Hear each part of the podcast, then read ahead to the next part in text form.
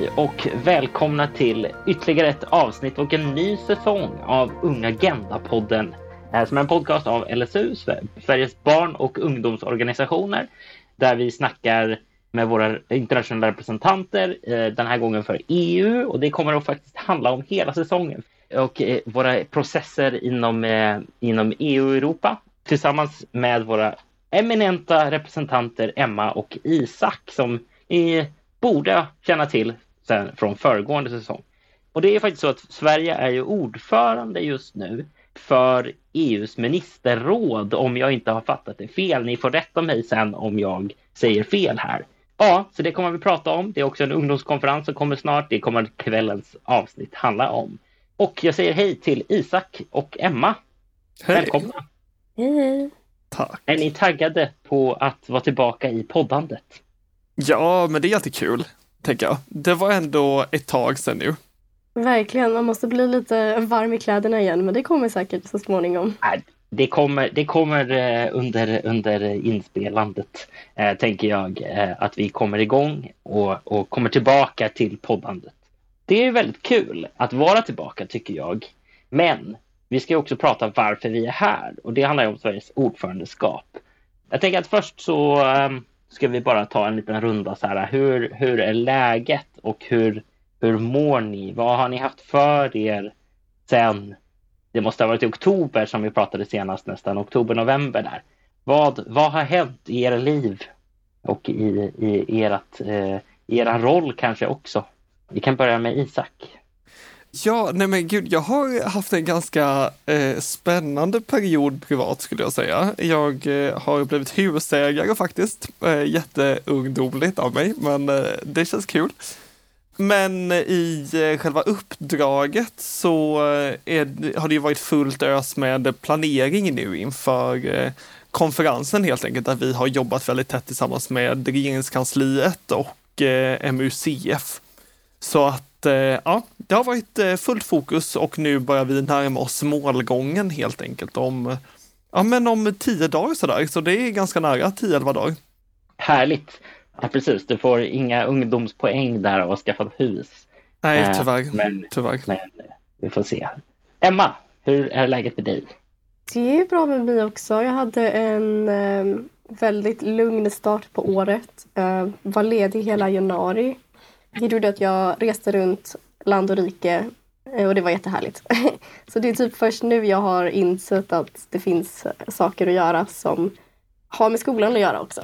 Men det, är- det är inga problem, det löser sig alltid i slutet. Ehm, men då har det också varit ganska skönt att ha den här planeringsprocessen inför konferensen som har grundat mig lite i att ja, det finns en vardag också, eh, bortom allt kul man kan ha.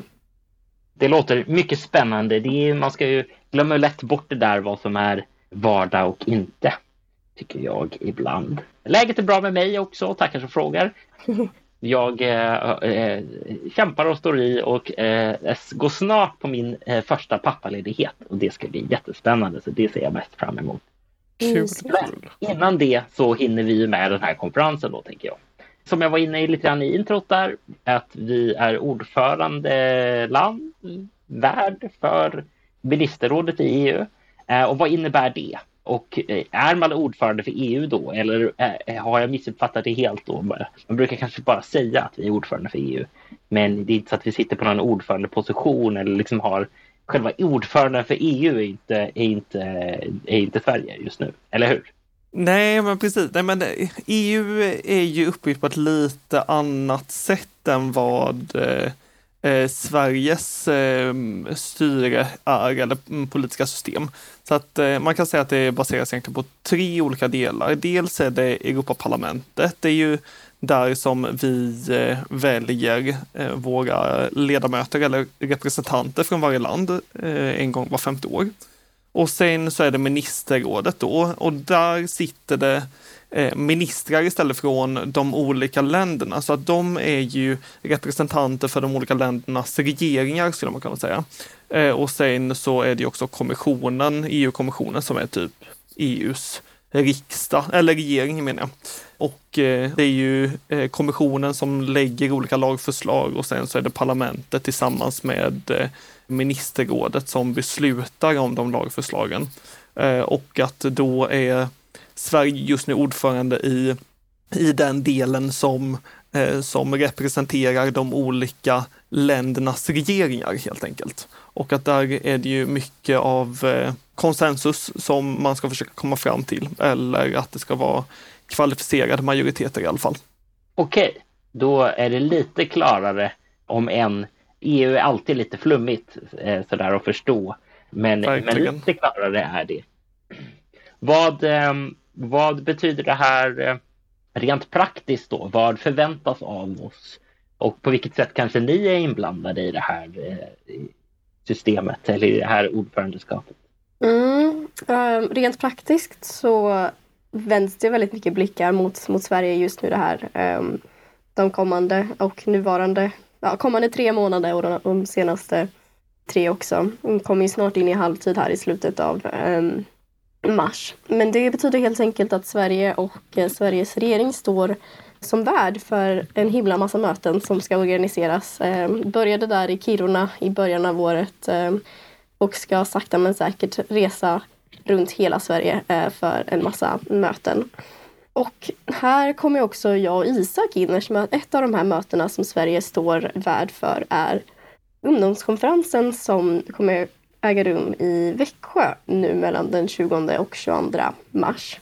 Och att jag och Isak får vara med och planera den här konferensen är ingenting som är någonting som man gör i varje cykel av ungdomsdialogen eller som varje EU-rep från LSU håller på med. Utan det är speciellt nu bara för att Sverige har den här ordförandeklubban eh, de här sex månaderna. Så det är vi väldigt tacksamma för, att få en sån insikt i hur EU och eh, Sverige samarbetar just i ungdomsfrågorna men också i hur hela ordförandeskapet, mekanismen eller monstret som det egentligen är, eh, fungerar i sin helhet.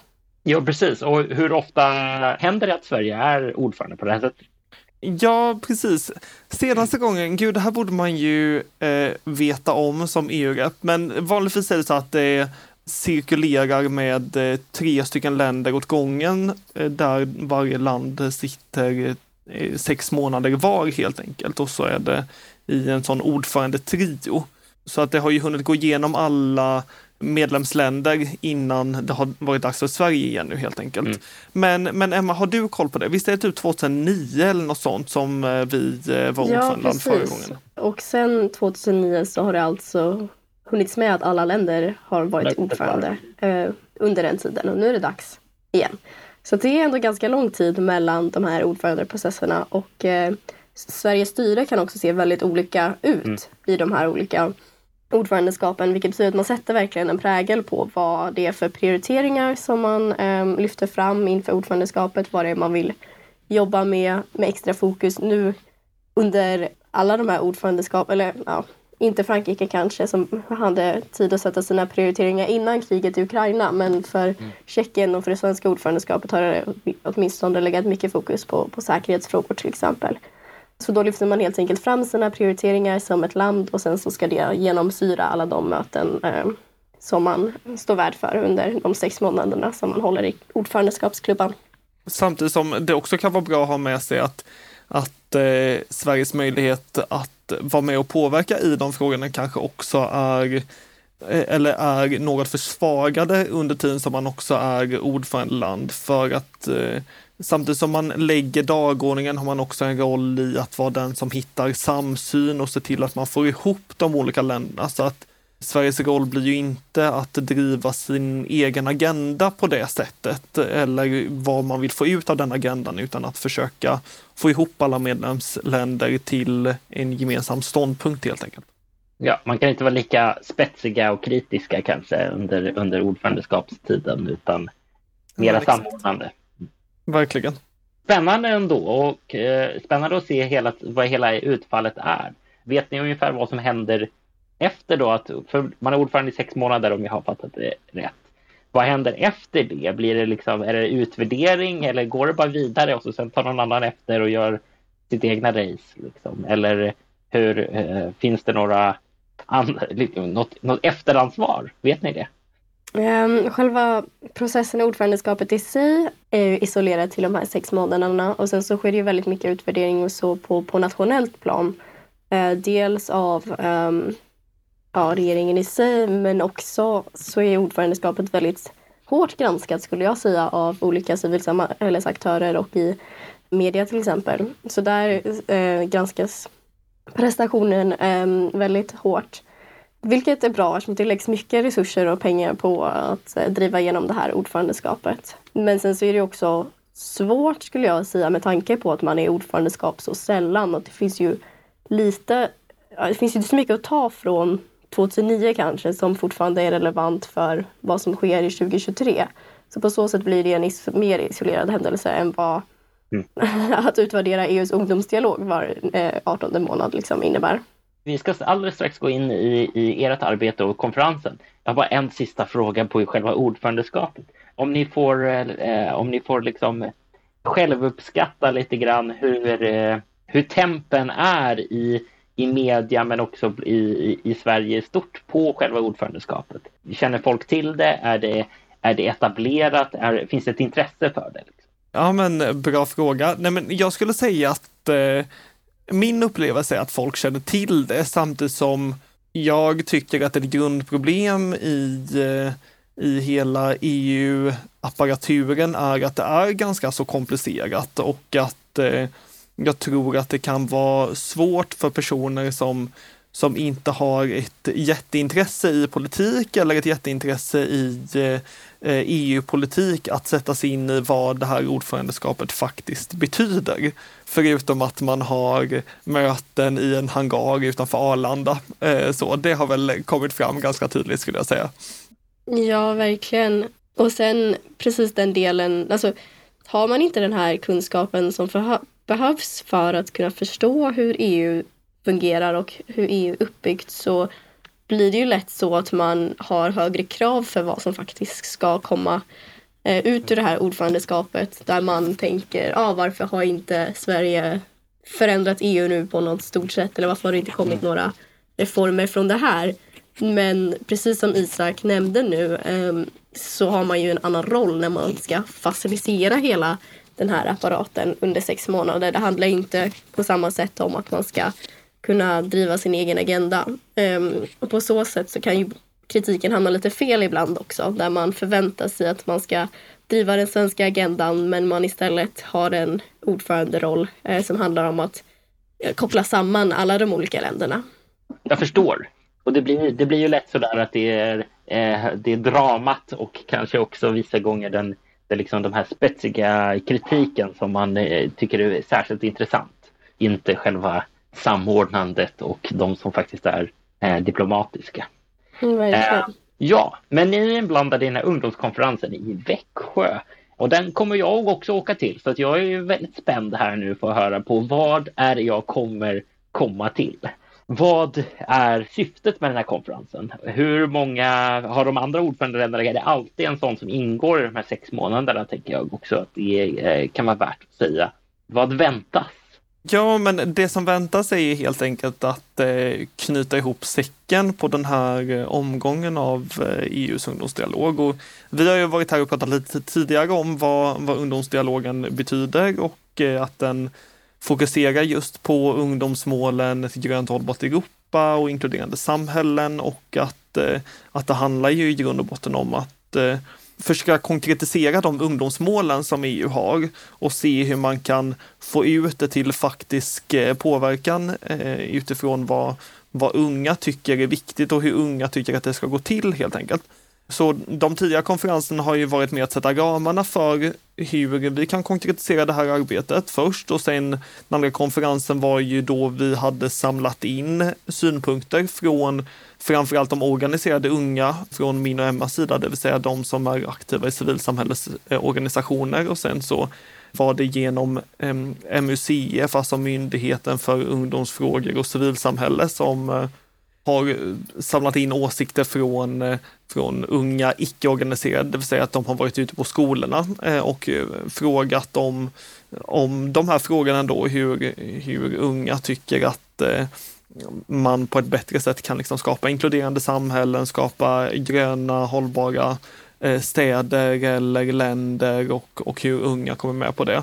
Och nu då den här konferensen, det blir helt enkelt att, att knyta ihop säcken på det här och att eh, se till så att eh, allt det som har samlats in än så länge, att eh, det resulterar i konkreta åtgärdsförslag som kommer tas upp i eh, ministerrådet helt enkelt i slutändan, där de kommer anta de förslagen. Och då kommer det komma ut som rekommendationer till de olika medlemsländerna att eh, ja, men till exempel jag och Emma har drivit på för att eh, en eh, kostnadsfri och utbyggd eller kostnadseffektiv och utbyggd kollektivtrafik är jätteviktigt för unga att kunna resa hållbart. Och vi hoppas ju på att eh, någonting kring de frågorna kommer bli en rekommendation till medlemsländerna att, att man bör införa det.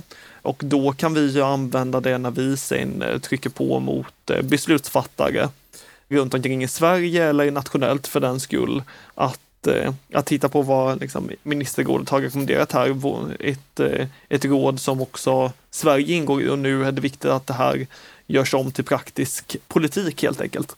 Så att eh, det är eh, målet med den här konferensen. Precis, men vägen dit är inte riktigt spikrak heller. För samma process som jag och Isak har uh, genomfört i Sverige har också genomförts i alla de andra medlemsländerna. Så för att vi ska nu nå fram till de här fem rekommendationerna, fem förslagen på rekommendationer som ska tas upp i ministerrådet sen så måste vi förhandla det som vi tycker är viktigast för, eller som de svenska ungdomarna sagt till oss är viktigast för dem gentemot vad alla andra medlemsländers ungdomsrörelser har tagit fram som sina prioriteringar. Problemet i de här förhandlingarna är att man får inte heller bli för generell eller ta ett för stort perspektiv för då finns det inget konkret som man kan bygga vidare på sen i ministerrådet.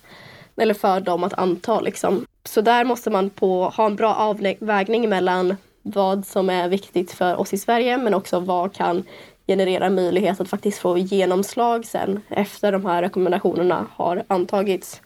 Så där kommer vi behöva slå oss samman med så många olika ungdomsråd som möjligt som har får liksom dela vår bild av eh, situationen men också försöka att inte köra över några som har andra utmaningar. Allting kommer helt enkelt tillbaka till att ungdomsrörelsen och förutsättningarna för ungdomsrörelsen i de olika medlemsländerna ser väldigt olika ut. Även om man ofta ser som EU som en ganska homogen grupp så framförallt för liksom, grupper som inte är representerade i politiska sammanhang på samma sätt som till exempel unga så har man väldigt olika förutsättningar, framförallt när det kommer till resurser och eh, finansiella möjligheter privat också. Så där eh, är det mycket som ska göras under de här tre dagarna som vi kommer befinna oss i Växjö. Det låter oerhört spännande. Jag tänkte, får ni, får ni avslöja något eller känner ni till något som de svenska ungdomarna på skolorna till exempel, de, de, de icke-engagerade på samma sätt. Vet ni någonting som de faktiskt tycker eller har skickat med? Har de, har de skickat med ett medskick som ni tycker så här, ja det här hade inte vi tänkt på innan, men det här är ju jättesmart. Mm, nej men det är ju eh, egentligen är det ju samma som vi har tagit upp eh, på eh, förra konferensen eller som vi har tagit upp i, i de tidigare poddarna. Alltså, det viktigaste för Sveriges unga är att här, man ser att det är viktigt med eh, hållbart levande och, och att politiken klarar av att eh, ställa om till ett fossilfritt samhälle. Men det är också viktigt att det sker på ett sätt som, eh, som möjliggör för människor att leva helt enkelt och att, eh, att det inte ska vara bara baserat på att man själv ska ha råd eller att man själv ska ska veta de, eh, de bästa sätten helt enkelt utan att, eh, att samhället i stort måste också möjliggöra eh, för människor oavsett hur intresserad man är att kunna ställa om till ett hållbart sätt att leva. Men också att det liksom framförallt är politiken och företagen som, som ställer om Eh, för att då får man med sig människor på vägen. Det låter, det låter ändå, ändå vettigt och, och eh, klokt tycker jag och eh, som någonting som man hoppas förhoppningsvis kan enas om. Vet ni med något skiljetecken redan nu som ni känner så här, här kommer vi behöva kämpa lite extra gentemot de andra medlemsländerna då? Att här kommer liksom, de här sakerna vet vi att de här kommer gå ganska bra att få igenom och de här sakerna måste vi kanske kompromissa lite grann med. Egentligen så tänker jag att det finns ganska mycket konsensus i liksom vilka utmaningar som man står, som, äh, står inför som en ung person runt om i Europa. Men det handlar också om vilka möjligheter eller vilka metoder som behövs för att ja, men, möta de här problemen och leva upp till de lösningar som, som man tas fram. Så äh, jag skulle säga att överlag så är det ganska mycket eh, konsensus kring vilka utmaningar som unga står, för, eh, står inför i EU generellt. Men det finns väldigt olika förutsättningar och därför behövs också olika lösningar. Under min första konferens, i, den som var digital under det franska ordförandeskapet till exempel, så pratade vi om hur man skulle kunna ge bidrag till eh, ungdomsorganisationer på bästa sätt. Och där, där eh, handlar det ju mer om rent praktiska hinder eh, och inte de som tar plats i rekommendationerna. Men det är också viktigt att ha liksom, i tanken när man funderar på ska man satsa på till exempel eh, folkbildning eller formell utbildning. Vad, vad, får man för olika resultat av de här? Eh, så om målet är bra utbildning för alla så finns det väldigt olika sätt att nå dit. Jag pratade till exempel med en representant från Bulgarien som sa Nej, men allting måste gå via Erasmus för att annars så försvinner det till korruption. Och, det, och då, då blev jag liksom lite så här, jaha okej. Det perspektivet hade inte riktigt jag med mig från mina upplevelser.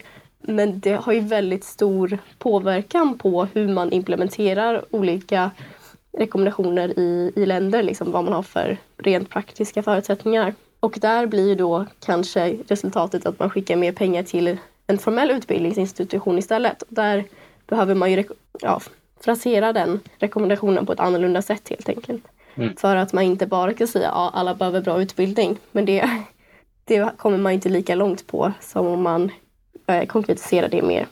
Nej men eh, håller med eh, och eh, tänker att de, de stora utmaningarna kring vilka förslag man kommer komma fram till, det handlar väl också om att, att eh, liksom hitta en nivå som, som passar alla, där jag tänker att eh, Sverige i mångt och mycket ligger i framkant i, i många fall. Alltså inte mm, när det kommer till hållbarhetsarbetet bara kanske, utan snarare för en en del eller en fråga i det här är också eh, ungas inflytande till exempel och eh, ungas eh, eh, demokratiska möjligheter. Eh, och att där har det varit en diskussion bland eh, vissa länder, framförallt kanske östeuropeiska länder, om att eh, civilsamhällets engagemang, att det borde vara eh, gratis eller kosta mindre i alla fall så att man har möjlighet att få eh, politiskt inflytande på det sättet och inte behöva välja mellan om man ska jobba och tjäna pengar eller behöva betala pengar och vara civilsamhällesaktiv.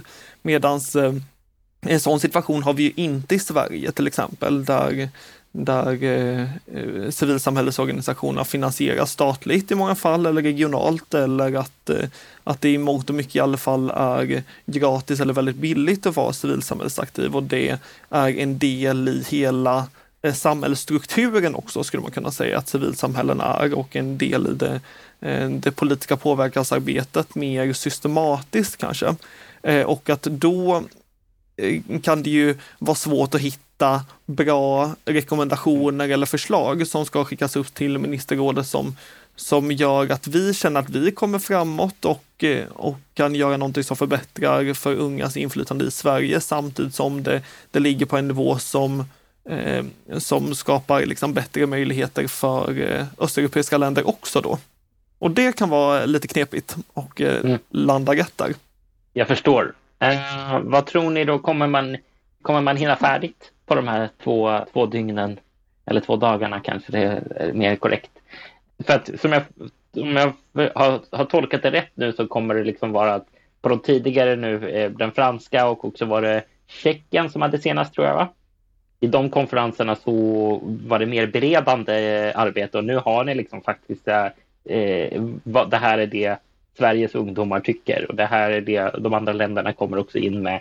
Det här är det vi tycker är det nu man liksom, är det, har eran deadline att ni måste liksom vara färdiga nu och ha rekommendationerna efter den här konferensen som bara ska sammanställas? Typ? Eller, eller har ni på er en fler en till konferens eh, innan det liksom är dags att lämna upp det här till, till, eh, till eh, ministerrådet? Eller är det nu man ska bli färdig? Liksom? Och i så fall tror ni att, ni att man kommer att bli det? Ja, Sverige är ju sista landet i den nuvarande ordförandeskapstrion, um, som Isak nämnde tidigare.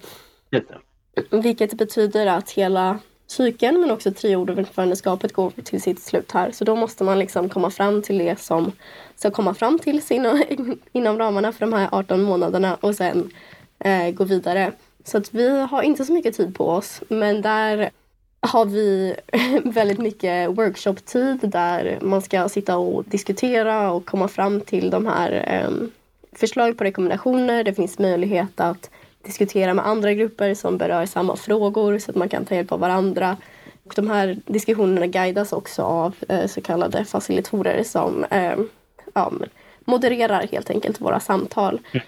Och sen så är det också så att vi ska hinna med under den här konvers- äh, hela konferensen också att utvärdera och skicka vidare förslag på hur man ska utvärdera ungdomsdialogen till, till nästa cykel men också hur ska cykeln se ut om, om tio år. Så det kommer vara tajt om tid och mm. det kommer vara mycket jobb som ska få plats um, och hinnas med under de här dagarna. Men det är en utmaning som vi uh, är glada att ta emot just nu i alla fall. Så får vi se hur mm. trötta vi är efter konferensen. Men, uh, men det är mycket som ska, ska med där så det är inte ens det att vi har tre dagar på oss utan snarare um, en och en halv kanske. Mm.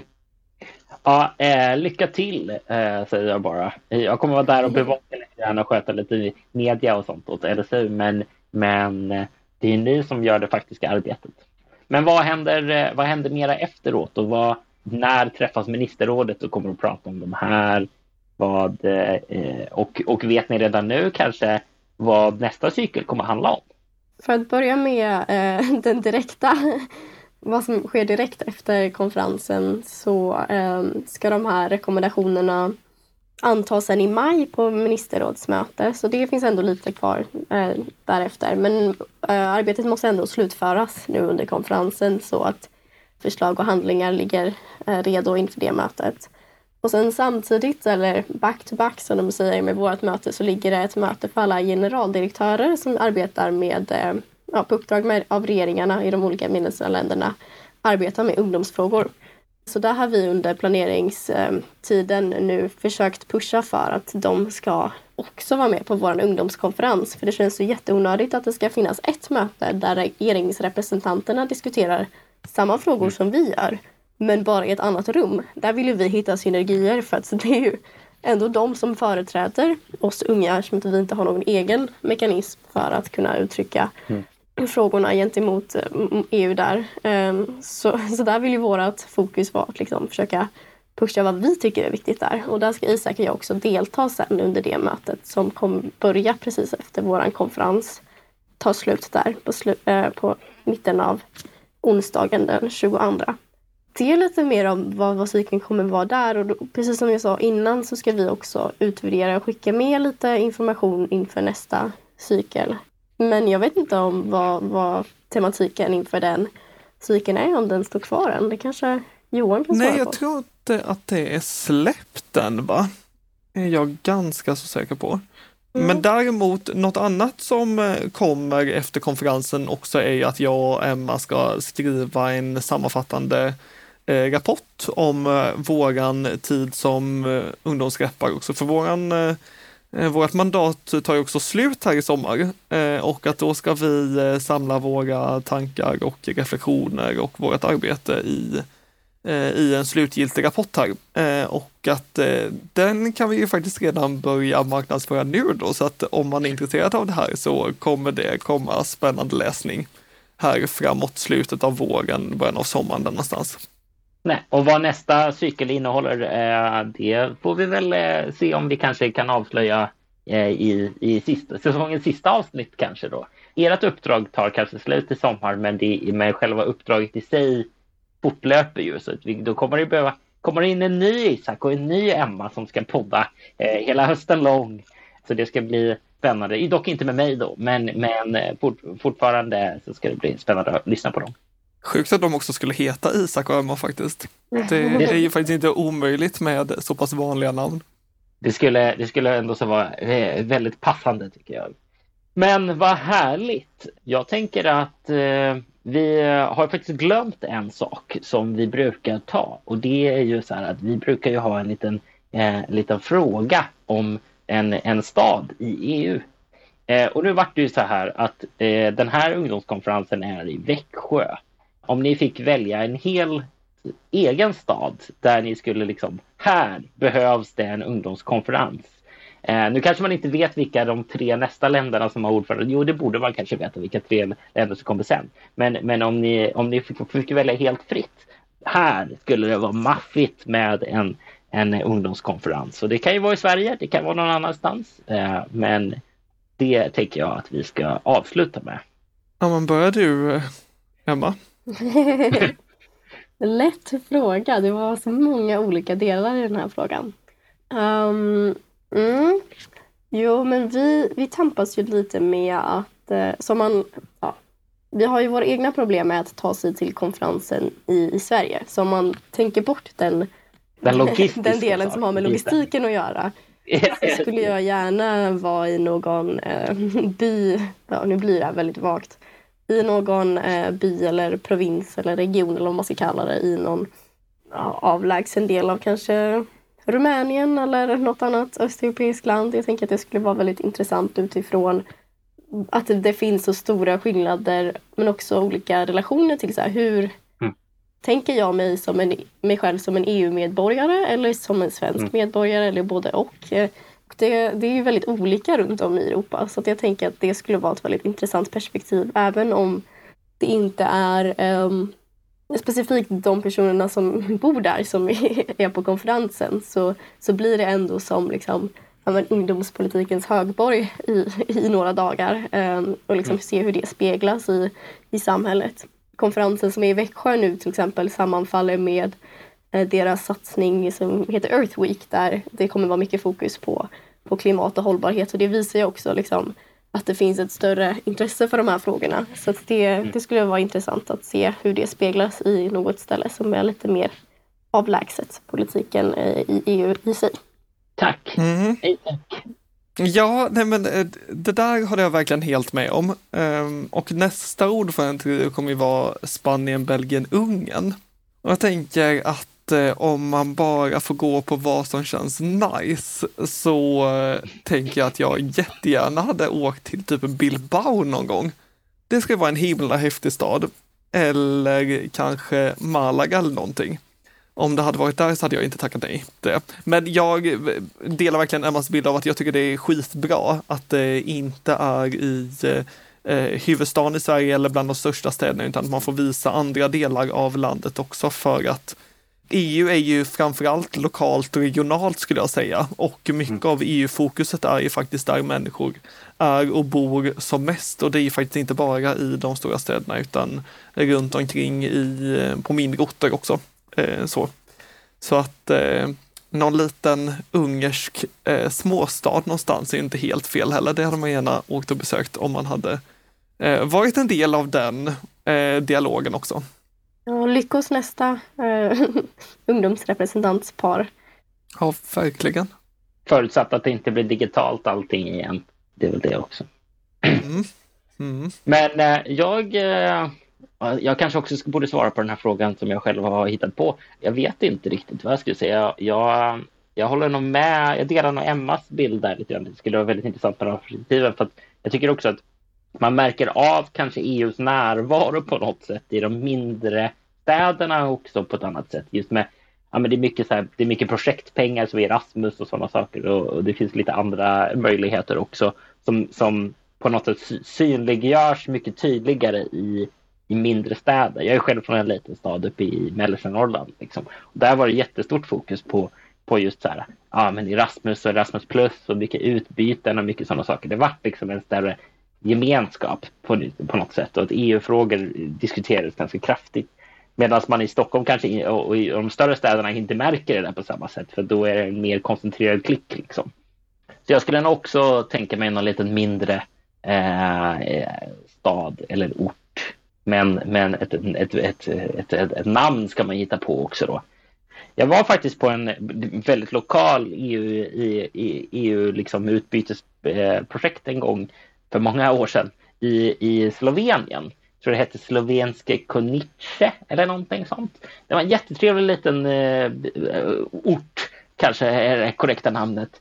Uh, och dit skulle jag jättegärna åka tillbaka igen. Det var väldigt, uh, väldigt trevligt. Så det där kanske ska det vara uh, spännande. Och det är också så där väldigt annorlunda att komma till ett sånt ställe. Låter trevligt. Ja, så att jag tänker att vi rundar av där. Känner ni att ni vill skicka med någonting annat om konferensen så har ni möjligheten just nu. Nej, men det kommer ju uppdateras väldigt mycket um, från konferensen, både från LSUs sida men också från de officiella Instagram-kontona mm. för ungdomskonferenserna. Så, så häng med där, tänker jag. Det officiella kontot heter YouthConf, alltså först Youth och sen Conf, som i konferens och, eh, och LSU som vanligt. Det kommer ske väldigt mycket och ehm, det är nog den största källan till information kring vad som kommer ske ehm, under konferensen. Ja, eh, det stämmer bra. Vi är inte helt färdiga med exakt vad vi kommer att eh, göra, men det kommer definitivt att kommuniceras mängder av spännande innehåll. Kanske till och med finnas lite chans för inspel på vissa sätt eller, eller lite mer interaktiva moment. Så det kan man eh, verkligen vara beredd på om man vill tagga till med lite EU, EU-perspektiv. Eh, man vill skicka med. Men supertack då Isak och Emma för att ni återigen var med i Unga Agenda-podden och eh, eh, briljerade även denna gång. Det är och så kul att vara tillbaka. På, ja, det är kul att ha er tillbaka. Eh, och, eh, och sen syns vi då på konferensen, om inte annat vi kanske syns i nästa avsnitt som spelas in också. Det vet inte jag riktigt än vad det handlar om. Men eh, den här säsongen kommer att vara någonstans mellan eh, sex, sju avsnitt ändå. Eh, men alla kommer att ha något slags EU-fokus. Så det blir spännande. Ja, tack så jättemycket och vi syns i nästa avsnitt. Det gör vi. Tack så mycket. Tack, hej.